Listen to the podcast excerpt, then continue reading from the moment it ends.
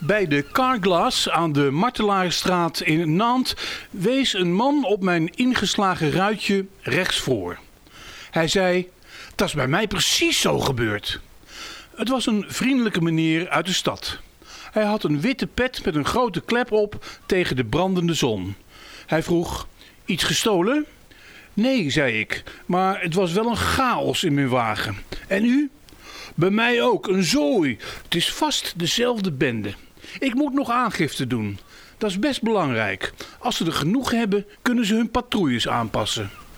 Hij zag mijn volgsticker op mijn voorraam. We raakten in gesprek over de Bretonse etappes ten noorden van de stad. Sarzeau is lieflijk, zei meneer. De hele golf van Morbihan eigenlijk. Er loopt geen grote weg langs. Het is niet gebetoniseerd met al die hoogbouw. Zo is La Baule helemaal verpest. Jammer. Hij keek me aan. Zeg, en hebben jullie Hollanders een favoriet? Dylan Groenewegen voor de sprint en Tom Dumoulin voor het klassement, zei ik. Ah oui, Dumoulin. Dat is eigenlijk een vreemde naam voor een Hollander. Wel een goede renner, geloof ik. Ik zag er vanaf om het over Froome te hebben. In plaats daarvan vroeg ik hem naar de populariteit van de Tour. Hij trok wat met zijn lip en zei: Ik ben ermee opgegroeid.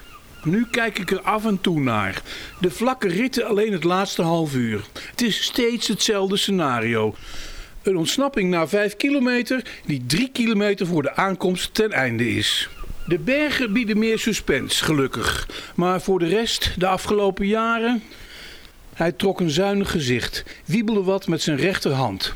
Het was zijn manier om een mening over doping in het algemeen en Froome in het bijzonder te ventileren. Het vervangende ruitje was snel aangebracht. Carglass remplace.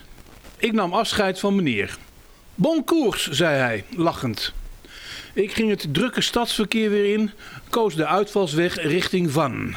Frankrijk hield zich met heel andere dingen bezig dan de Tour. In het centrum van Nantes kwam ik langs een park dat vol stond met slordige tenten. De zwarte bewoners dromden samen in de schaduw van de schaarse bomen. Ze hadden waarschijnlijk ook geen enkele belangstelling voor het grote fietsevenement. Op de radio was La Grande Gueule begonnen, het zalige, luidruchtige praatprogramma van RMC. Het ging vooral over de allerbelangrijkste actualiteit van de wereld, de komende halve finale Frankrijk-België. De Tour was vandaag ook op de zender van geen belang. De presentator zette een schampere toon op over de tegenstander. Hm, België, klein land, 11 miljoen mensen. Wij hebben er zes keer zoveel. Het duurde even voordat een van de studiogasten iets verstandigs zei. Ze hebben een bijzondere generatie. Voor elke positie een sterke speler. Veel spelen er in Engeland. Het is een klein land, maar een grote voetbalnatie. Dit thema kreeg ook grote aandacht toen de uitzending over de Tour eenmaal begonnen was. De vroege kopgroep bestond uit de Belgen van Kersbulk en Klaas en de Fransen Perez en Cousin. Dat is alvast 2-2, grapte iemand. Het peloton was aan het wandelen geslagen. Niet best voor het imago van de Tour, maar dat was een gaaf onderwerp voor andere zieloze etappes. De vraag luidde: wat is er toch gebeurd met grote landen? Waar zijn Spanje, Portugal, Brazilië en Argentinië toch gebleven? Er kwam niet weinig chauvinisme aan te pas. Iemand had het over de weerspiegeling van een ploeg. Alsof de sterkte van zo'n team kenmerkend is voor een heel land. In de uitzending kwam de Pays-Bas ter sprake als een opvallend contrast. Maar dan bedoelden ze toch alleen België. De allerbeste plaatsvervanger van Nederland. Na de finish in Sarzeau heb ik Guillaume van Kersbulk gezien. Een van de op het laatst ingehaalde ontsnappers van de dag.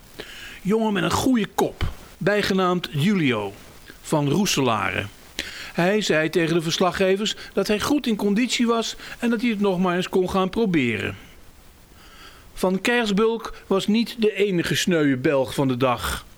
In Café Le Derby, vlak naast mijn hotel TGV tegenover het station van Quimper, heb ik zijn landgenoten de halve voetbalfinale tegen Frankrijk zien verliezen. 1-0, dat was wel zo'n beetje het verschil. In Quimper brak zoals overal een straatfeest los met getoeter en vlaggen en jongens die over auto's liepen. En overal de jel Nous sommes en finale. Nous sommes en finale. Frankrijk is een van de laatste grote naties. Het heeft na de Breton Hinault alleen nooit meer een jongen opgeleverd om de eigen Tour te winnen.